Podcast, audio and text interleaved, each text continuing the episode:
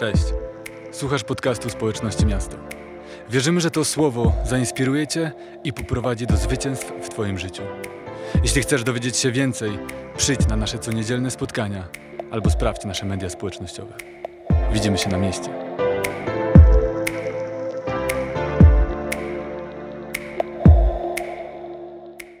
Adwent w społeczności miasto. To będzie seria Światłość w ciemności. Moja żona Paulina już dwa miesiące temu odebrała taką wizję, jeśli chodzi o aspekt wizualny światłości, która wyłania się z ciemności i, i, i z, razem z Visual Teamem, z miastem dzieci, ze wszystkimi chętnymi wolontariuszami myśleli, jak możemy przyozdobić nasz kościół i mam nadzieję, że podoba wam się to, jak tutaj wygląda, czy nie? To jest wspaniale. A ja postanowiłem, że pójdę za tym, co odebrała moja żona, bo nigdy się na tym nie zawiodłem i, i że pójdziemy w tym adwencie właśnie w tym kierunku światłości, em, światłość w ciemności. I nasza krótka adwentowa seria będzie właśnie e, przebiegała w tym, w tym klimacie i w, tym, w tej perspektywie, a zakończymy ją 18 grudnia w tym roku, e, nie tylko wielkim świętowaniem Bożego Narodzenia, ale również e, chrztem wiary. E, to jest coś wspaniałego, że możemy kolejny raz w tym roku chrzcić chrzcić kolejne osoby. I pierwsze kazanie e, tej serii, tego adwentu chciałem e, tak na dobre rozpoczęcie zatytułować Przez zaproszenie. I dzisiaj będzie o zaproszeniu i o zapraszaniu i o tym, jak wielkie znaczenie ma zaproszenie. I chciałem Cię zachęcić, abyś w tym roku w ogóle podszedł do tego czasu adwentu inaczej niż zazwyczaj. W inny, w świeży sposób, bo Wiecie, często mamy taki schemat, że święta i, i, grudzień to jest taki czas, w którym my wpadamy w taki schemat ciśnienia związanego z przygotowaniami, e, z myśleniem o budżecie świątecznym, e, budżecie na prezenty. e, Ciśnienie związane z tym, z rodziną, jak tu objeździć wszystkie domy, wszystkich wujków, ciocie, babcie, żeby każdy był zadowolony od strony, od strony mamy, od strony taty i tak dalej.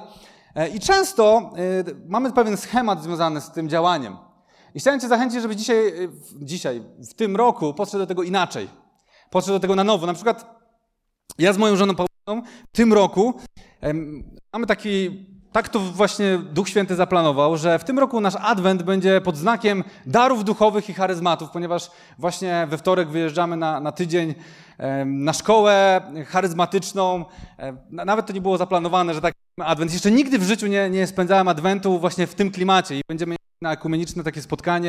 E, Tydzień będziemy się szkolić, ludzie z Toronto, więc naprawdę to będzie ciekawe, ponieważ Adwent zawsze był z jakimś tematem refleksji, wspomnień, może jakiegoś takiego przemyślenia swojej, swojego duchowego życia. Nigdy nie był pod znakiem darów duchowych, działania Ducha Świętego, a w tym roku robimy to inaczej, więc jestem podekscytowany i chciałem Cię zachęcić, żebyś również podchodził do tego nieco inaczej, bo czasem, kiedy wpadamy w schemat, to najpiękniejsze rzeczy, które Bóg chce dla nas przygotować w tym czasie, e, umykają nam i przechodzą nam koło nosa, ponieważ żyjemy w pewnych utartych ramach swojej duchowości, swojego trybu życia, swojej codzienności i swojego świętowania. Więc w tym roku zachęcam Cię na nowo, e, żebyś przemyślał to. I w tym kontekście, e, zobaczcie, mamy, mamy cztery Ewangelie i są trzy Ewangelie synoptyczne, które po prostu w najprościej mówiąc są do siebie bardzo podobne. I jest jedna Ewangelia, która jest poza nimi i jest inna i to jest Ewangelia Jana. On był hipsterem na tle tych trzech pozostałych. Zrobił to inaczej. Inaczej opisał e, wydarzenia, nieco inaczej. Oczywiście to wszystko jest zgodne wciąż, ale nieco inaczej. Jeśli chodzi o Boże Narodzenie, to Mateusz i Łukasz oni cofają się, jeśli chodzi o wydarzenia Bożego Narodzenia, jedynie do momentu narodzin Jezusa. To jest jakby ich jakby cały kontekst, który oni budują. Jan robi to inaczej. Jan cofa się dużo, dużo, dużo wcześniej. I czytam o tym w pierwszym rozdziale. To jest ten jego wstęp słynny. Od pierwszego wersetu przeczytajmy. Na początku było Słowo. Słowo było u Boga i Bogiem było Słowo. Ono było na początku u Boga, wszystko dzięki Niemu się stało i z tego, co istnieje, nic nie stało się bez Niego. W Nim było życie, a życie było światłem ludzi. Światło zaś świeci w ciemności i ciemność go nie ogarnęła. Jan opisuje Jezusa jako słowo wcielone, słowo opisuje go jako światłość, której ciemność nie ogarnęła. Światłość, która przychodzi na świat, światłość, od której wszystko się zaczęło. I Wiecie, myślę sobie o tym, że słowo, imię, imię Boga, którym jest słowo, jest jednym z najciekawszych imion.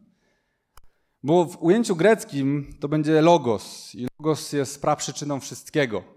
Uzasadnienie wszystkiego, zbiór wielu rzeczy złączonych w myśli, wyrażonych e, wyrażonych słowem. To jest uniwersalna przyczyna wszystkiego prawa, które utrzymują wszystko w istnieniu. I logos to nie było tylko słowo e, używane, inaczej, to nie było słowo, które zaczęto, zaczęto używać w starożytności dla Jezusa. Ono było wcześniej używane jako wyraz tej praprzyczyny wszystkiego, uniwersalnej przyczyny wszystkiego, a Jan mówi właśnie tym logosem jest Jezus. On mówi, to jest właśnie przyczyna wszystkiego. Jeśli byśmy spojrzeli z hebrajskiego punktu widzenia, ponieważ Jan był Żydem, to mamy słowo memra. I ono pochodzi od aramańskiego słowa mówić i wyraża koncepcję dynamicznej siły twórczej Boga, opisuje jego kreatywność i wolę. I tutaj możemy cofnąć się w ogóle do stworzenia świata, gdzie Bóg mówi i rzeczy powstają. Więc Jan opisuje, opisuje wstęp do Ewangelii, opisuje Jezusa, jego przyjście na świat jako praprzyczynę wszystkiego, uniwersalną przyczynę wszystkiego. Z drugiej strony, patrząc na jego e, ten żydowski kontekst, pokazuje go jako moc twórczą, jako e, tę ideę Bożej mocy, która przychodzi na świat, żeby zamieszkać pośród nas, żeby zmienić ten świat, żeby uratować ten świat. I mamy to pięknie podsumowane w Hebrajczyków w 11 rozdziale, 3 wersecie.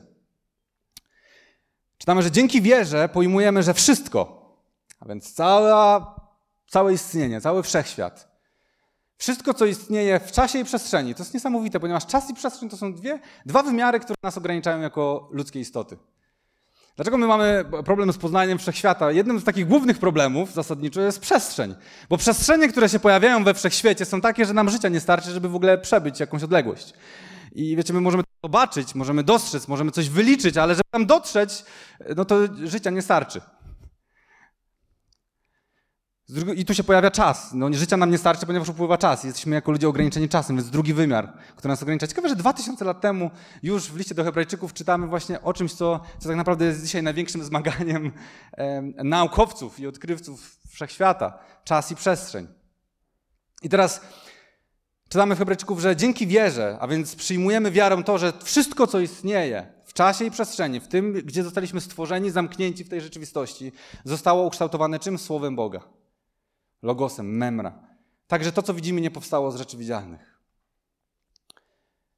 Jan w swoim opisie stworzenia świata, w swoim budowaniu kontekstu Bożego Narodzenia i przyjścia na świat Chrystusa, cofa się do samego początku i mówi, to jest logos, to jest memra, to jest stworzenie, to jest praprzyczyna wszystkiego, to jest cudowna, twórcza, kreatywna moc Boga, która przyjmuje ciało i przychodzi na świat jako Chrystus.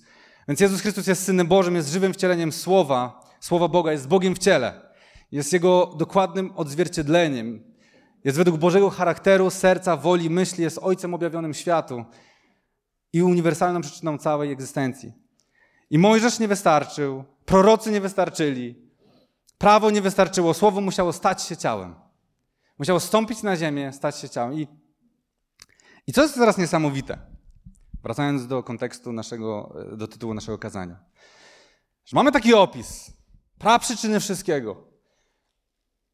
Potężnej mocy, która wstępuje na świat, mocy Bożej. Od Niego wszystko się zaczęło i wszystko, co na tym świecie istnieje, jest ukształtowane słowem, jest właśnie ukształtowane logosem, jest twórcą świata. I twórca świata przychodzi na świat i nie było dla Niego miejsca. I nie było dla Niego zaproszenia. To już nie chodzi tylko o o to, co pisze Mateusz, Łukasz, tam co w synoptycznych Ewangeliach czytamy, że nie było miejsca dla Marii i Józefa. Ale czytamy w Ewangelii Jana dalej, w pierwszym rozdziale, 10-11 werset, przebywał na świecie i dzięki niemu świat powstał, ale świat go nie rozpoznał. Przyszedł do swego, swoi go jednak nie przyjęli. Wiecie, mam wrażenie, że to jest piętno świąt Bożego Narodzenia. Świętno, piętno Adwentu i naszego przeżywania Adwentu że w sumie wszystko to dzieje się dlatego, że Stwórca przyszedł na świat, że przyszło słowo, które ukształtowało cały ten, cały ten wszechświat. Ale tak dużo się dzieje podczas świąt i przygotowań, że nie ma zaproszenia dla tego, o którym są te święta. I wiecie, możemy zająć się bardzo wieloma rzeczami i zapomnieć o tym, że robimy to ze względu na Niego. I myślę sobie o tym, że nie bez powodu Jan to zapisał, bo to jest chyba cały paradoks ludzkości. Zostaliśmy stworzeni przez Boga i w końcu, kiedy widać było, że sobie nie radzimy, w końcu na świat przychodzi Jezus Chrystus, nasz Zbawca, przychodzi ratunek. ale my go nie rozpoznajemy. Fascynujące jest to, że wszyscy świętujemy, albo prawie wszyscy nas świętujemy. Na pewno w tym kraju większość świętuje. I kupujemy dużo jedzenia, kupujemy prezentów, choinki i światełka. Światłość, rozświetlamy ten świat. Ale później zasiadamy do stołu i przy tym stole nie ma zaproszenia do rozmowy o Ewangelii. Wszyscy mamy wigilie pracownicze. Mm-hmm. Ale czy na tych wigiliach pracowniczych zajmujemy się tym, żeby porozmawiać o Stwórcy, który przyszedł na świat? Wiemy, jak one wyglądają. To jest piętno, które odciska się na Adwencie, na świętach, że świętujemy ze względu na Stwórcę, ze względu na światłość, która przychodzi na świat, ale nie ma miejsca na to, żeby mówić wprost o tym, co my właściwie świętujemy.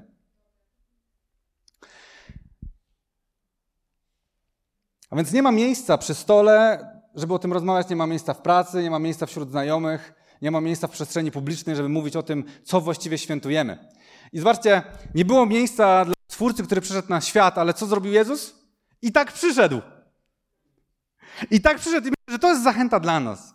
Wiecie, bo to tak jest, że nie będzie tego miejsca i że zawsze będą ludzie, którzy nie widzą nie dostrzegają tego i mogą świętować, a nie wiedząc, co świętują. Mogą kupować choinkę, nie wiedząc właściwie dlaczego, świecić światełka, nie wiedzieć dlaczego i jeść karpia, też nie wiedzieć dlaczego.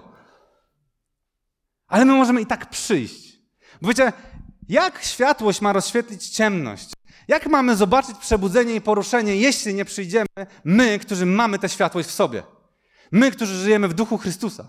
I wiecie, myślę sobie, że w tym roku to wcale nie jest tak, że, że przychodzi renifer, że czekamy na świętego Mikołaja, że czekamy na gwiazdora i elfy. Ale myślę, że dzisiaj świat czeka na to, abyśmy my przyszli, którzy mamy w sobie Jezusa Chrystusa, którzy mamy światłość, żeby rozproszyć tę ciemność. Myślę sobie o tym, że wiele razy siedzimy w naszych pracach, w naszych domach, przy naszych wigilijnych stołach przy zgaszonym świetle. I to światło może zapalić tylko Chrystus, który jest w nas. On jest światłością, która przyszła na świat. I wszystko, co masz w sobie, całą moc, całe namaszczenie, autorytet, to wszystko pochodzi od Niego i z Niego. Więc dzisiaj chcę Cię zachęcić, abyś w te święta zapalił światło w Twoim domu, w Twoim życiu, w Twojej pracy, gdziekolwiek jesteś. I wiem, że czasem jest tak, że na koniec roku mamy taki bagaż różnych doświadczeń, przeżyć, trudów, że ciężko nam w ogóle myśleć o tym, że o, teraz jest czas, żeby zanurzyć się w Słowie Bożym i przygotować na świętowanie Bożego Narodzenia. Żeby teraz, o, teraz pomyśleć o mojej relacji z Duchem Świętym. Że myślimy o tym, żeby domknąć projekty jakieś na koniec roku, żeby nie domknąć budżety, przygotować święta, cokolwiek. Ale kto ma zanieść to światło, jeśli nie my, jako chrześcijanie? I czasem jest też tak, że mamy poczucie, że święta są takim czasem, w którym e, my wszyscy mówimy o radości, o świętowaniu, i o tym wszystko jest uśmiechnięte. Reklamy są uśmiechnięte jeszcze bardziej niż zawsze i śnieg jest bielszy i, i, wszystko po prostu się cieszy. Dzieci pod choinką, prezenty, dziadek, babcia, wszyscy w zgodzie. W ogóle czy jakikolwiek stół wigilijny tak wygląda? Przyjeżdżasz do rodziny, tam babcia i dziadek nie żyją uśmiechnięci nie przytulają się i tak dalej. Wiemy dobrze jak jest w rodzinach. Ale w reklamach wszystko cudownie wygląda i wspaniale. Co więcej, może przychodzić do kościoła i wszyscy mówią o radości, o duchowym przeżywaniu świąt, a ty masz naprawdę jakieś ciężary i ciężko ci myśleć teraz o twoim najlepszym czasie, bo jesteś w najgorszym czasie swojego życia. I myślę sobie, nie pasuje do tego obrazka, świątecznego obrazka, świątecznego obrazka komercyjnych świąt, ale też nie pasuje do świątecznego obrazka chrześcijańskich, duchowych świąt. Bo po prostu jestem w jakimś kryzysie, jest mi ciężko. I mam taką refleksję, że kiedy Jezus się narodził, to spójrzcie, komu aniołowie to ogłosili. Ogłosili to pasterzom. A więc ludziom, którzy byli zwykłymi, prostymi obywatelami tamtego, tamtej, tamtej społeczności, nie byli kimś wyróżniającym się, nie byli kimś szczególnym. Nie byli zamożni, byli biedni, nie mieli zbyt wielkiego wpływu, nie mieli zbyt wielkiego znaczenia, ale to im aniołowie ogłaszają tę prawdę. Że mogą się radować, ponieważ przychodzi ratunek, ponieważ przychodzi Zbawiciel, ponieważ narodził się Zbawiciel. Ale co więcej, objawił się pasterzom, ale objawił się też mędrcom. Mędrcom, możnym, tym, którzy mieli wiedzę, mieli pieniądze, mieli zasoby, mieli wpływ, mieli tytuły. Im też się objawił. Dla mnie to jest niezwykłe, niezwykła refleksja i, i takie spostrzeżenie, że pokój, radość, Zbawienie, które przychodzi w Chrystusie, ono nie jest tylko dla tych, którzy mają świetne, wspaniałe święta, tych, których stać na to, żeby świętować w jakiś bardzo ekstrawagancki sposób. Jest też dla tych, którzy nie mają nic i mają jakiś kryzys w swoim życiu, zmaganie w swoim życiu. Jest dla jednych i dla drugich, dla tych, którzy mają pieniądze i nie mają, dla tych, którzy są starzy, młodzi, dla tych, którzy mają wpływ i którzy nie mają, wykształconych i niewykształconych. Czy jesteś takiej narodowości, czy innej, Jezus ze swoim pokojem przychodzi również do ciebie. Jego pokój i cud, i zbawienie, i nadzieja są dla wszystkich, bez względu na to, w jakim miejscu jesteś w swoim życiu. Dlaczego? Bo nawet jeżeli ty nie pasujesz do jakiegoś obrazka, to Jezus pasuje do każdego obrazka. Możesz nie pasować do obrazka, który ktoś tworzy przed tobą, ale masz swój obrazek. I do tego obrazka przychodzi Jezus. Pasterze i mędrcy to są dwa zupełnie inne światy. Ale okazuje się, że Jezus przychodzi do jednych i do drugich. Że ta dobra nowina, że nadzieja zostaje ogłoszona jednym i drugim. Więc dzisiaj ktoś, kto siedzi obok ciebie, ma najlepszy sezon swojego życia. Jest zajarany, zajawiony i przychodzi, i przychodzi dobra nowina i nadzieja do niego i on się cieszy i on przeżywa wyżyny swojej duchowości, a ty jesteś w dołku.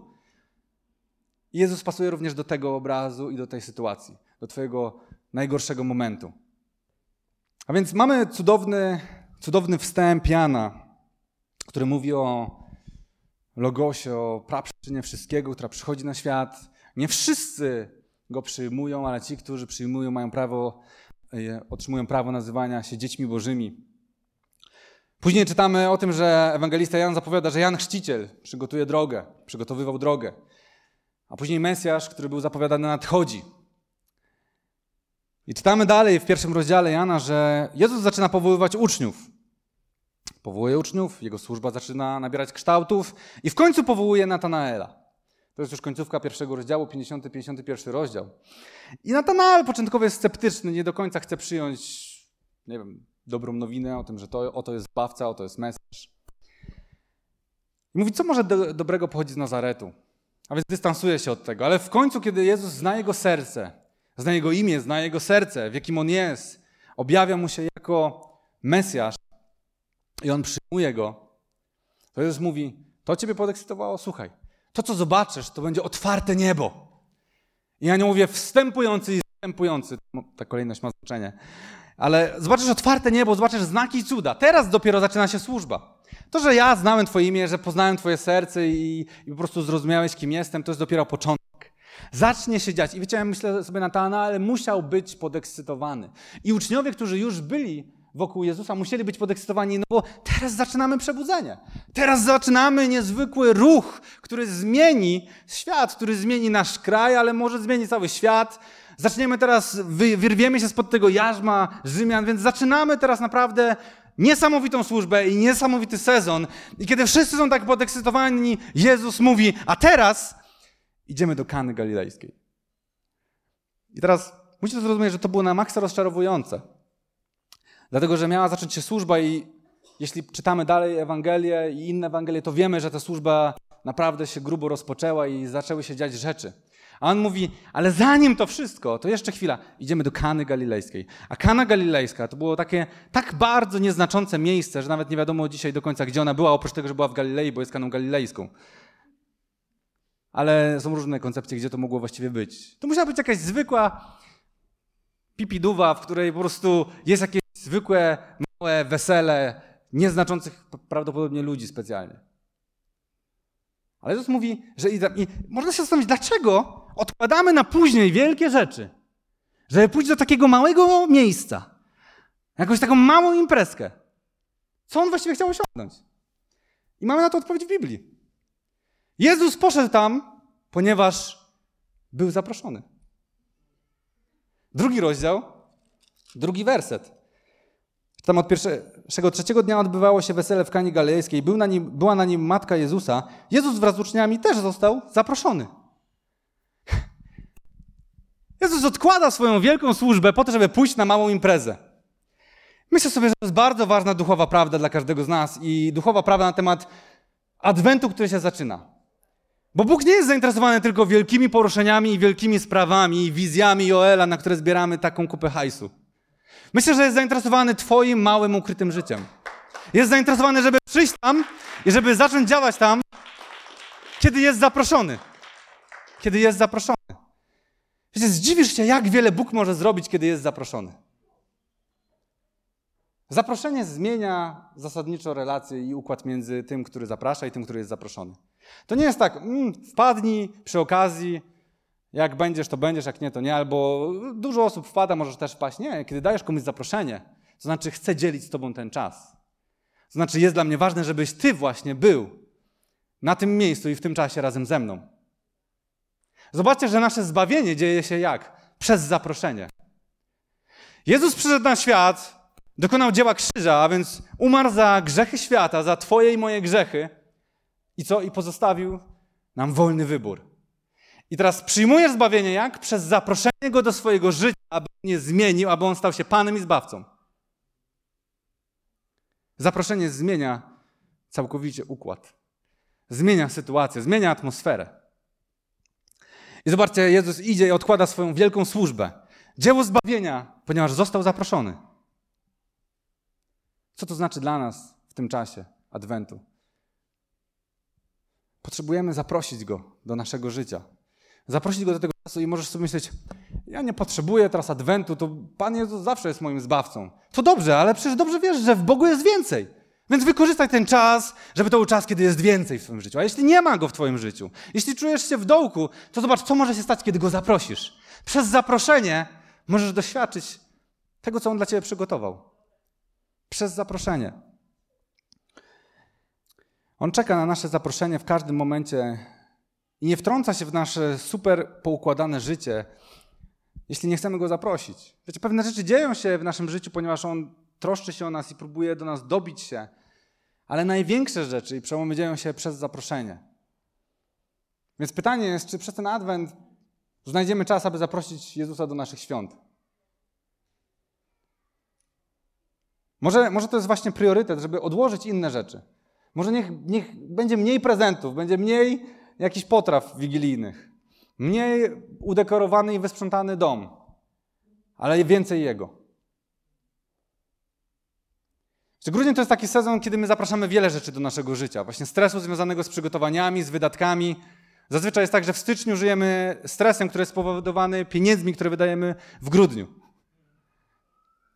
Zapraszamy, wiele, zapraszamy też różne wspomnienia i trudne sytuacje i relacje, bo spotkania rodzinne, niewyjaśnione sprawy, więc czasem cały grudzień żyjemy tym stresem, że z kimś się spotkamy, że mamy jakieś sprawy niewyjaśnione, że będziemy musieli się skonfrontować, że będziemy musieli spędzić ileś tam dni w jakimś towarzystwie, którego niespecjalnie lubimy. Więc mamy wiele różnych rzeczy, które są zaproszone do naszego życia w grudniu, ale z tym, co zapraszamy, musimy później żyć i to jest największy problem. Że cały grudzień żyjesz tym, co zaprosiłeś. Więc żeby zaprosić Jezusa, musimy zrobić Mu trochę miejsca, więc musimy odsunąć od stołu pewne inne rzeczy, które są w naszym życiu, żeby zrobić Jemu miejsce przy tym stole. I, i, i dlatego zaczynamy Adwent od, od tego, tego kazania i od tego, że chcę Was do tego zachęcić, abyśmy odsunęli pewne sprawy i postawili na pierwszym miejscu Jezusa w naszym życiu w tym czasie. Odsunęli strach, lęk. Dzisiaj śpiewaliśmy o tym, że, że nie będziemy żyć w strachu i nie godzimy się na to. Ufamy Jezusowi, więc, więc odsuń to, co teraz Ciebie męczy, co Ciebie trzyma i zaproś Jego. Bo przez zaproszenie dzieją się największe rzeczy i zaraz to zobaczymy. Bo to nie tylko chodzi o to, że Jezus przyszedł na to, na to wesele, wypił trochę wina, zjadł trochę humusu i poszedł. Został zaproszony i zaczęły dziać się niesamowite rzeczy. Przeczytajmy dalej, co się dzieje od trzeciego wersetu. W pewnej chwili zabrakło wina. Poważny problem na weselu. Wtedy matka Jezusa powiedziała do niego: Nie mają wina. Jezus odpowiedział: Rozumiem Twoje zatroskanie, ale co mnie do tego, kobieto? Jak nie jesteś Mesjaszem, to nie odpowiadaj tak kobiecie, szczególnie matce. Jeszcze nie nadeszła moja godzina. Wtedy jego matka zwróciła się do posługujących: Zróbcie cokolwiek wam powie. A było tam sześć kamiennych stągwi ustawionych według żydowskich reguł czystości, każda mieszcząca około 100 litrów wody. Jezus polecił: Napełnijcie stągwie wodą i napełnili je aż po brzegi. Więc czytamy, że zabrakło wina. I wino ma wiele różnych znaczeń i symboliki w Biblii. Jednym z takich najbardziej oczywistych i prostych jest radość. Nie trzeba być wielkim filozofem i jakimś egzegetą biblijnym, żeby zrozumieć, że wino i radość mogą mieć coś ze sobą wspólnego. E, I tak właśnie jest. Więc czytamy, że brakuje wina. I myślę sobie o tym, że, że wiecie, kiedy, tak jak na imprezie, kiedy brakuje wina, dobrze, żeby tam Jezus, tak samo kiedy w naszym życiu brakuje tego, co symbolizuje wino, czyli radości, brakuje entuzjazmu, brakuje pasji, brakuje życiowej energii, to dobrze, żeby w naszym życiu i na tej imprezie naszego życia był Jezus. Też się zgadzacie z tym? Myślę, że naprawdę wciąż, wciąż myślę, że mi brakuje objawienia i myślę, że wciąż w Kościele brakuje nam tego objawienia i zrozumienia tego, że źródłem naszej radości jest Jezus. I, i dzieło Jego na krzyżu, i Jego zmartwychwstanie. To jest nasza radość. I na, na imprezie naszego życia często brakuje wina. I myślę, że w tych czasach dobrze o tym wiemy, że brakuje nam wina, czyli brakuje nam radości, brakuje nam tej głębokiego poczucia radości, pasji, energii życiowej. Często tracimy to. I myślę sobie o tym, jak bardzo potrzebujemy Jezusa. Bo Jezus wie, co robić w takich sytuacjach. I historia Kany Galejskiej jest piękną metaforą i obrazem tego, że kiedy brakuje nam tego w życiu, to Jezus musi być na tej imprezie. Musi się tam znajdować. I możemy różne inne rzeczy robić i one są ok, i to jest dobre, potrzebujemy sobie radzić w różny sposób, ale tam musi być też Jezus na tej imprezie. Więc dobrze, żeby na, na imprezie naszego życia był Jezus, kiedy brakuje wina i czytamy, że Maria wiedziała, co robić. Kiedy brakuje wina, czytamy, że Matka Jezusa od razu wezwała, wezwała go. Maria od razu go wezwała. Jest taka piosenka, Mario, czy ty wiesz? I z tej historii widać, że ona wie. Wie, co robić, kiedy brakuje wina, wie, co robić, kiedy jest problem. Myślę sobie o tym, że to jest piękny obraz tego, jak zmieniać, jak, jak zapraszać Jezusa i zmieniać rzeczywistość, w której coś nie idzie, coś się nie udaje, ale przez zaproszenie Jezusa możemy doświadczyć cudu. Jak robi to Maria? Ona po pierwsze włączyła Jezusa w ten problem. Nie wiem jak wy, ale ja często w swoich kminach zapominam włączyć Jezusa w te problemy, którymi, z którymi się zmagam. Może to brzmi absurdalnie, ale myślę, że może będzie część z was mogła się utożsamić z tym, że pojawia się jakiś problem i oczywiście ty jesteś cały czas wierzący, to jest twój fundament życia, ale pojawia się ten problem i ty zaczynasz kminić. Co zrobić, co zrobić, co zrobić, a nie jest tak, że pojawia się problem, a ty, okej, okay, pójdę teraz się pomodlić. Ja tak nie mam takiego wciąż nawyku. Wciąż zawsze najpierw mi się wydaje, że muszę z tym się jakoś zmierzyć, zastanowić, odpowiedzieć, coś zrobić. A Maria, czytamy o tym, że pojawia się problem i pierwsze co, ona idzie do swojego syna. Bo wie, że to nie jest tylko jej syn, ale że to jest Mesjasz. Włącza w ten problem Jezusa. Po drugie, czytamy o tym, że ona włącza go przez to, że zwróciła się do sług, by oni włączyli się i zaangażowali się w tę sytuację. I możecie się zastanawiać, dlaczego, dlaczego to zrobiła, i myślę sobie o tym, że to jest właśnie zaproszenie. To nie był czas Jezusa, ale wiedziała, że jeśli oni się zaangażują, to on też. Tak jak czytamy w Słowie Bożym, zbliżcie się do Boga, a On zbliży się do Was.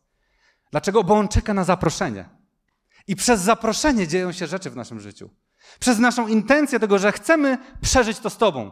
Więc zastanów się, co jest Twoim problemem, jak możesz włączyć w to Jezusa i kiedy zaangażujesz się w to, powiesz, nie wiem, czy Boże miałeś taki plan, nie wiem, jaka była, jak, jaki masz teraz, czym się teraz zajmujesz, ale ja w moim życiu zmagam się z tym i nie chcę zmagać się sam, chcę Ciebie zaprosić. Nie wiem, czy znasz tę historię z Kany Galilejskiej, ale jak znasz, to wiesz, że warto było zaprosić go do tego problemu. A jeśli nie znasz końca tej historii, to za chwilę zobaczysz, że najlepsze, co możesz zrobić, to włączyć w problem Jezusa i zaprosić go do tego, aby on razem z tobą to rozwiązał. Więc czytamy dalej, że Jezus wykorzystuje stągwie. I znowu jest to ważny obraz. Mamy stągwie i napełnia je wodą. Stągwie to jest narzędzie codziennego użytku w tamtych czasach. Do obmywania się. Żydzi to, to było związane z pewnymi rytuałami, ale, ale to była codzienność. I on nie używa jakiegoś szczególnego, niezwykłego narzędzia, instrumentu. To nie jest tak, że on używa teraz, nie wiem, pierścienia Salomona albo laski Mojżesza, kamienia Jozłego jakichś wielkich, symbolicznych dla Żydów artefaktów. On bierze coś codziennego użytku, coś, co po prostu stało obok. Napełnia to wodą. A więc nie jest tak, że on teraz mówi abracadabra i jest wino.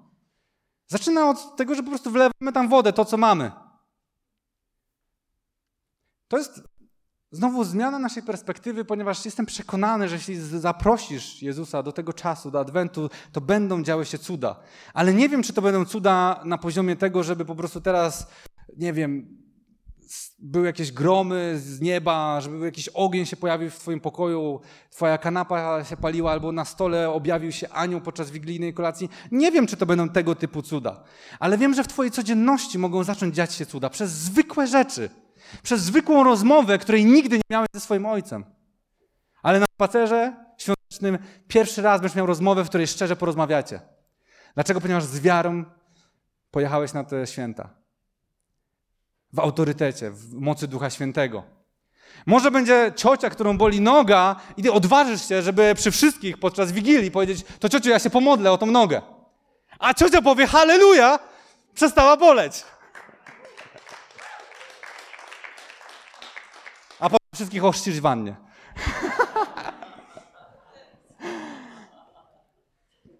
tak może być, kochani.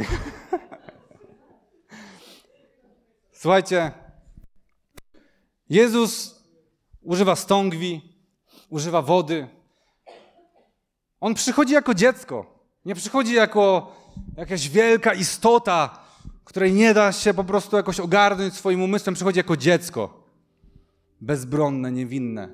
My spodziewamy się jakichś ekscytujących rzeczy, a on czyni cuda w codzienności. Przez proste rzeczy. Tam, gdzie nawet byśmy według wielkich historii nawet nie przewidywali, nie pomyśleli. A to dzieje się w codzienności. I czytamy później, że gospodarz chwali wino od ósmego wersetu. Teraz zaczerpnijcie i zanieście wesela. I zanieśli. Gdy starosta spróbował wody, która stała się winem, a nie wiedział skąd się ono wzięło, gdyż wiedzieli o tym tylko posługujący, którzy zaczerpnęli wody, zawołał pana młodego i powiedział: Każdy stawia najpierw dobre wino, a gdy goście sobie podpiją gorsze, ty jednak dobre wino zachowałeś aż do tej pory. Zobaczcie, starosta nie wiedział, ten gospodarz nie wiedział, co się dzieje.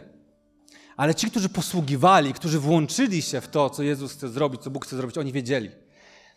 I może ludzie dookoła ciebie nie będą wiedzieli, co się wydarzyło w twoim życiu podczas tego adwentu.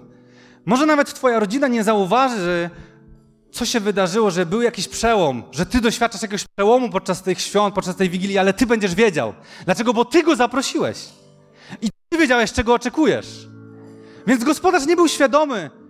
Ten pan młody też nie był świadomy właściwie, co tu się wydarzyło. No jest wino, super, dobrze, dobre wino, fajnie, trafiło się. Ale ci posługujący widzieli, dokonał się cud. Dokonał się cud, ponieważ zaprosiliśmy Jezusa do tego, aby On coś zmienił. Aby On zaczął działać. Jestem przekonany, że Ty tego doświadczysz. I nie czekaj, aż to już inni powiedzą, no rzeczywiście zmieniłeś się, chodzisz w takiej poświacie złotej. Po prostu zobaczysz, że twoja rodzina jest bardziej otwarta, że w twojej pracy coś się zmieniło, że przyszło jakieś błogosławieństwo przez zaproszenie Jezusa do tego czasu. I jeszcze jedna rzecz. Zobaczcie, że tam było sześć stągwi. I jak czytasz komentarze, to jest i patrzysz na symbolikę, to coś by się tutaj nie zgadzało, ponieważ sześć to jest symbol niedoskonałości, braku pełni, symbol człowieka w Biblii. Siedem to by było coś. Siedem stągwi? Come on. To jest pełnia. Siedem to jest wyjątkowa liczba.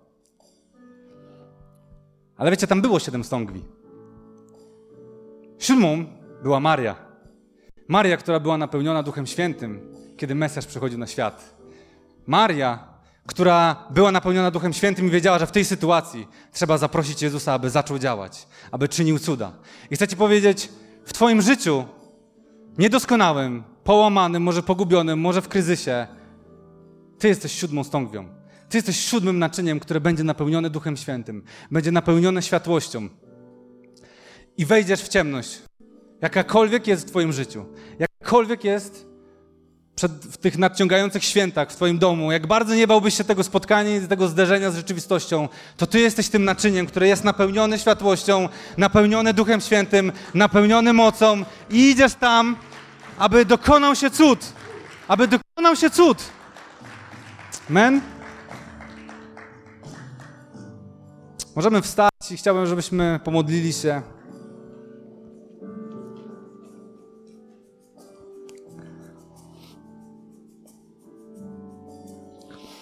Nie ma co kminić na tym, czy ja mam teraz kryzys, potrzebuję cudu, nie mam kryzysu. Jest więcej.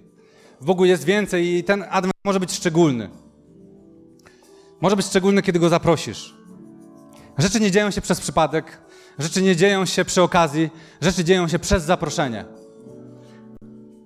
Więc jeśli potrzebujesz cudu, cudziku, cudeńka, czegokolwiek w swoim życiu potrzebujesz, to chyba dzisiaj wszyscy musimy zaprosić Jezusa do tego adwentu, do naszego życia.